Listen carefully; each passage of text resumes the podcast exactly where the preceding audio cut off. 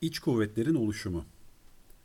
Yeryüzü şekillerinin bir kısmı oluşumları için gerekli olan enerjiyi dünyanın manto katmanındaki konveksiyonel akımlardan alır.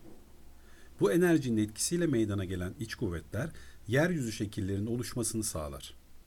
İç kuvvetlerin oluşumu sürecinde yer kabuğunda meydana gelen hareketlere tektonik hareket denir. İç kuvvetler epirojenez kıta oluşumu, orojenez dağ oluşumu, volkanizma ve seizma depremler olmak üzere dört gruba ayrılır.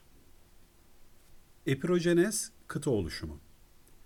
Yer kabuğu parçalarının geniş alanlardaki alçalma ve yükselme hareketlerine epirojenik hareketler denir. Bu hareketler çok yavaş gerçekleşir ve tabakaların yatay duruşu genel olarak bozulmaz. Yer kabuğunu oluşturan levhalar akışkan manto üzerinde bir dengede durur. Bu dengeye izostatik denge denir. Bu dengenin bazı durumlarda bozulması alçalma ve yükselmelere neden olur. Bu durumu zihinde canlandırmak için gemi örneğini düşünebilirsiniz. Yükü olmayan gemi üzerine yük konduğunda suya öncekinden daha fazla batacaktır. Yine bir geminin ön tarafına fazla yük konulduğunda ön tarafı arka tarafına göre suya daha fazla batacaktır. Sıvı haldeki manto üzerinde levhaların alçalma ve yükselme hareketleri de gemi örneğindeki benzer bir şekilde meydana gelir. Transkresyon deniz ilerlemesi. Buzul oluşumu volkanik olaylar sonucu çıkan ve dış kuvvetlerin taşıdığı materyallerin belirli yerlerde birikmesi, karanın ağırlaşarak çökmesine neden olmaktadır.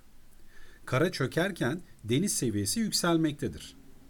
Transgresyon, deniz ilerlemesi olarak adlandırılan bu olay sonucu kıyıdaki alçak alanlar deniz altında kalmaktadır. Regresyon, deniz gerilemesi. Karalar üzerindeki buzulların erimesi ve dış kuvvetlerin karaları aşındırarak denizlere taşıması yer kabuğunun hafifleyerek yükselmesine neden olur. Karanın yükselmesine bağlı olarak deniz seviyesi çekilir. Deniz seviyesinin çekilmesine regresyon, deniz gerilemesi denir. Bu olay sonucu eski kıyılar yükseklerde kalarak kıyı sekilerini oluşturur. Örneğin buzul çağının sona ermesiyle birlikte İskandinavya yarımadası yılda yaklaşık birkaç milimetre yükselmektedir. Benzer şekilde aşınmanın etkisine bağlı olarak Alp dağları her yıl yükselmekte. Buna karşılık Hollanda, Almanya ve Fransa'nın kuzeyinde yer alan ovalar ile İtalya'nın Venedik şehri yılda yaklaşık birkaç milimetre çökmektedir. Orojenez dağ oluşumu. Dünyada geniş alan kaplayan dağlar nasıl oluşmuş olabilir? Günümüzde karalar üzerindeki yüksek alanlarda denizde yaşayan canlılara ait fosillere rastlanması sizce nasıl açıklanabilir? Dış kuvvetler tarafından aşındırılan malzemeler deniz, göl ve bunun gibi su kütlelerinin tabanlarında birikerek binlerce metre kalınlığında tortul tabakalar oluşur.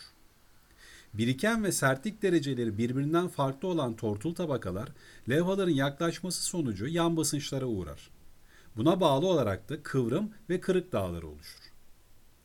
Kıvrım dağlarının oluşumu Jeosenklinal adını verdiğimiz birikim alanlarındaki esnek yapılı tabakalar yan basınçların etkisiyle sıkışır ve kıvrılır. Kıvrılma hareketi sonucunda yükselerek kubbeleşen yerler antiklinal, alçalarak çanaklaşan yerler senklinal olarak adlandırılır. Yükselen antiklinal alanların bir kısmı dağları oluşturur. Bu şekildeki oluşumlara kıvrım dağları adı verilir. Kırık dağlarının oluşumu Birikim alanlarındaki sert yapılı tabakalar yan basınçların etkisiyle sıkışarak kırılmaya uğrar ve kırık hatları oluşur. Tabakaların yer değiştirmeye uğradığı bu hatlara fay denir. Kırılmalar sonucunda yüksekte kalan yerlere horst, alçakta kalan çöküntü alanlarına graben adı verilir. Yükselen horst alanlarının bir kısmı dağlık alanları oluşturur ve bu şekilde oluşan dağlara kırık dağlar adı verilir. Yeryüzünde bugüne kadar dört büyük orojenez olayı meydana gelmiştir. Dünya üzerinde ilk kıvrım dağları Prekambriyen'de oluşan Huron kıvrımlarıdır. Paleozoik'te Kaledoniyen ve Hersinyen kıvrımları Mesozoik ve Tersiyer'de başlayıp bugün de oluşumu devam eden Alp-Himalaya kıvrım kuşağıdır. Bu kuşak dünyanın genç dağları arasında yer almaktadır.